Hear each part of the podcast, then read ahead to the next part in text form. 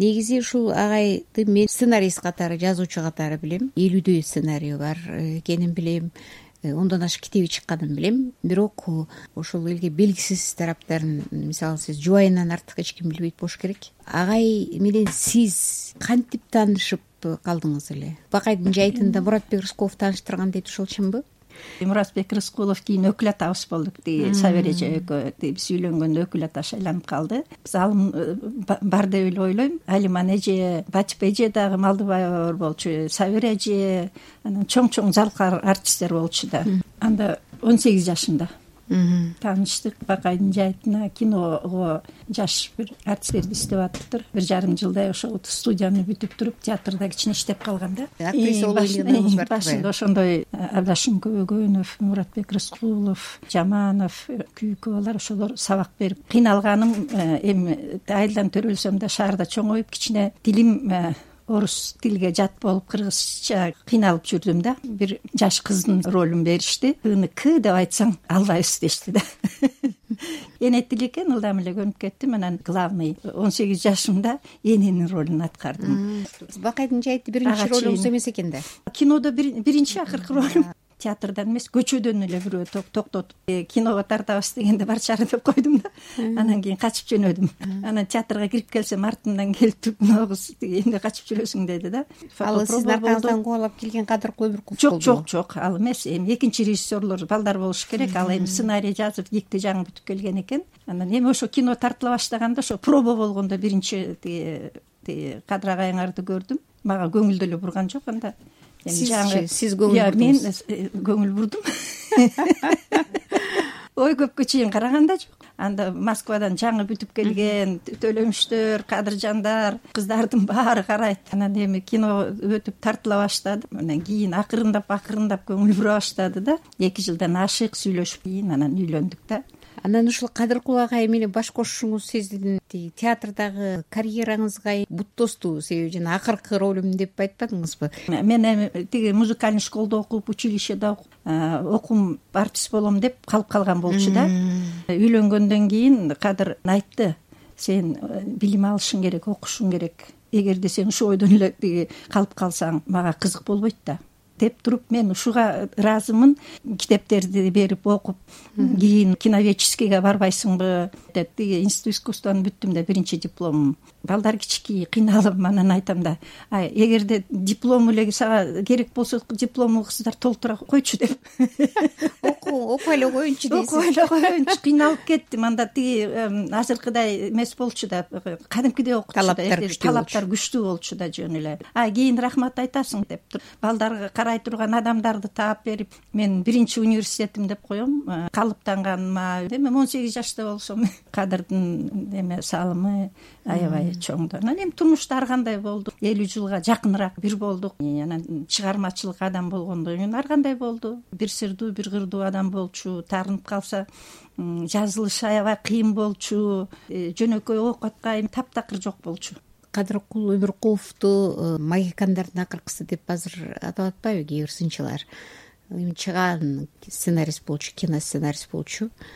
Ал адамдын чыгармачылык дүйнөсү кандай эле мен башында жанагы бакайдын жаатын деле түшүнгөн жокмун киного түшүп аткан. Кийин кийин убакыт өткөндө элүүгө жакындаганда кайта окуп атып туруп бул кадырдын чыгармачылык жагын кийинирээк кийинирээк түшүнө баштадым кадыр көрсөткөн китептерди окуп инсан катары калыптанып кадырды азыр деле мына э, кайта кайта окуганда мен ойлойм аябай философиялык э, терең э, чыгармалары бар да. Могу жерде жылдыздуу түн деп биринчи чыккан китеби бурма деген аңгемеси гикте окуп жүргөндө жыйырма жашында жазган экен да. Э, кийин тиги кадырга бир суроо бергенде негизги темаңыз эмне деп айтса мен өмүр бою бир эле бир теманы өзүм алып туруп жазам деп жооп бергени бар да. Бакайдын жайыты мөңгү муңу э, жылдыздуу түн ушуну алганда акуулар конгон айдын көл адам табигат жөнүндө жазган жер эне окуп көрөлүчү экөө ээн жолдо келатышты дейт да кубат деген бала. Бала сурап атат. Жерден эмне булоо чыгат же күйүп атабы? деп сурады кубат. Дем алып атат деди бурма дейт да жер дагы жаратылыш дагы жаратылыш тирүү организм. тирүү организмдей кылып жыйырма жашында ушундай образ жарата алган да кийинкилери деле жылдыздуу түн жер касиети бүт эле эски тегирмен деген эски тегирмен бүт эле чыгармачылыгы адам менен табияттын байланышы кийин жыйырма жети жыйырма сегизинде вгикти бүткөндөн кийин төлөмүш экөө бакайдын жайытын анда электронный кат жок. Кадыр москвада болуп төлөмүш биякта болуп каттары бар. Э, тиерин мынтип оңдоп кой тигинтип оңдоп кой деп туруп анан кийин ошол бурмадагы жана лейтмотив жердин табияттын эмеси ошол сызык дагы эле уланат. акыркы күнүнө чейин ошол сызык тилекке каршы акыркы күндөрү айткан мен бир чоң чыгармага отурган атам мен уже бышып жеттим го деп убактым көп өтүп кетти деп даяр эле болуп калдым деген да. Аягына чыкпай калды. Тилекке каршы э, эми ар кайсы жерде мындай жазылган жазылган эмелери бар экен эми мен жазуучу болбогондон кийин аны мен толуктай албайм да анан бирок кыргыз элине чоң эле нерсе таштап кетти. Эми кээ бир кишинин күнүнө айтылат экен кээ бирөө өзү турмушунда деле ошондой болчу. Эми регалияларды алды. Эл жазуучусу болду. Бирок бир караганда аябай бир ачык шаярдай болчу. Бир караганда аябай түнт адам болчу да. Э, кээ бирде аябай кескин түрдө айтып койчу да. Тиги асман түшүрө берсе дагы деп туруп чындыкты айтканды билчү. айтып жиберчи. Эми биздин өзүбүздүн дагы бир көйгөйүбүз бар балдардын арасында. Кээ бирде мындай ачыгыраак киши болуп эметейин десем ал каалач эмес да. Өзү дагы балалык кезде бир татаал турмушту өткөргөн экен ошол эле учурда ал эң бир кызыктуу адамдардан чыккан адам экен да. Мисалы нуркамал жетикашкаева деген акындын Э, уулу турбайбы атасы өмүркул э, ал киши дагы кино тармагында алектенген аракеттенген адам экен мунун эми э, бурул үч атасы үч энеси болгон экен да. Ошондойбу экен тууганы касымал жантөшев атасы болгону жөнүндө ал башка маселе десеңиз э бул биздин апабыз таа эже деди да. Мен эми аттарын баарын айта берейин. Кудай кечирип коет мен деле жетимиштен ашып калдым. Тергебей койсоңуз деле кечирейин дейсизби э, тиги өзүмдүн кайненем жамал. Э, нуркамал жетикашкаева өмүркул э, тиги жетикашкаев менен үйлөнүп балалуу болбой. Кадыр төрөлгөндө ошол эки айында эле алып алган экен да. Бир жарым жашында өмүркул каза болот. Атасы каза болот. Анан кийин касымалы жантөшев менен ал кишинин байбичеси каза болуп калат. Экөөлөрү үйлөнтүп коет. Кадыр ошондо бир жарым жашында экен сүрөтүндө да. Анан тутунган чоңойткон э, тиги бизди да үйлөнтүп той берген эми касымалы жантөшев биринчи мен келин болуп ошол үйгө түштүңүз э, түшкөм. Ал киши биз э, үйлөнгөндөн кийин эле тиги бир жылга кетпей өтүп кетти. Өзүнүн атасы жаңы төрөлгөндө эле жазында биринчи призыв менен эле согушка кетип жумахмат аты да бир эле кат келип ошол бойдон жок болуп өмүркул жетикашкаев кронштадта кийин студент болуп окуп жүргөндө барып обелискте жазылып туруптур барып куран окутуп келдим деди да. Өмүркулов болуп калганы окуп жүргөндө жантөшү эле болуп жүрүптүр кээ бирде түшүнүксүз нерселер турмушта болот экен да. Анан бирок окутуп чоңойтуп эметкен касымалы жантөшев болчу атасын аябай жакшы көрчү. Мамасы каза болуп калганда жетикашкаева апасы келиптир да эми уулумду алып кетейин десе э, жамал келип атыпчүн да анан качыптыр. Сыдыкбеков токонбаевдер келиптир э, эми бала такыр көнгөн жерден эметпегин э, бул окуйт. Анан кийин окутуп москвадан бүтүп келгенден кийин анан ээрчитип барыптыр эми уулум деп айтсаң болот деп туруп. Кайненем токсонго чыгып мен өз колумдан узаттыңыз. узаттык. Чын эле өтө чиеленишкен кыйын бала көтөрө алгыс бир татаал жашоо болгон экен балалыгы э? Ошол балалык уйгу туйгусун сиз менен бөлүшчү беле азыр анализдеп эметип көрсөм түнттүгү беттегенин бербегени төрөлгөндөн баштап жанагындай чоң залкар адамдардын үй бүлөсүндө болсо деле жеке арманы болду. жеке арманы да болду. Анан бирок адамгерчилиги үй бүлөгө балдарга карата э, мамилеси өзгөчө болчу. Улам алыстаган сайын карааны алыстаган сайын мен чанда чанда э, кезикчи бир инсан катары э, эсептейм да. Горе туманы грибоедов жазып эле тарыхта калбадыбы э мөңгү муңу кимдин муңу деп изилдегичтер кимдер жазган ичинде көп эле муңдар бар болчу.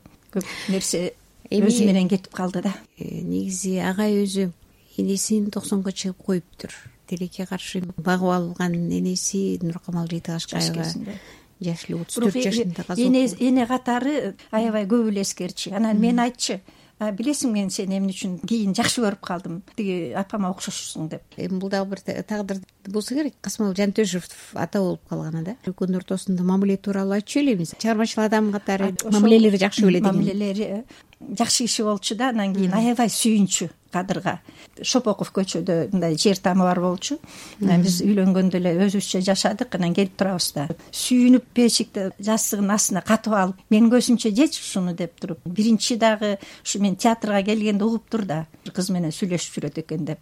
Анан бир эле киши келип атат ай кызым бери кел деп эле. Анан мен качайын десем эле токто деди да. Анан бир пирожкини көтөрүп алыптыр мече деди да. Жакындан көрөйүн десе керек мени мен азыр эле чай ичип алдым десем калембүй жаманова туруп чымчыды мына мени. Ай ал ал дагыны деп. Э, болбойт андай деп туруп. Көп нерселер эми өттү. Ачуусу болду таттуусу болду. Турмушумда ушундай адамга жолукканыма билбейм ошондо. Эгерде мен байкем бишкекке алып келбесе султан юсупов байкем мукаш абдырах жездем болот. Ошолор мени орус мектепте окудум э, музыкальный школдо окудум. Малдап асанов давлесов чоң залкар музыканттардын арасында жүрүп балалыгым ошол арасында өттү. Турмушуңузга дагы ушундай бир из түштү деңиз из түштү.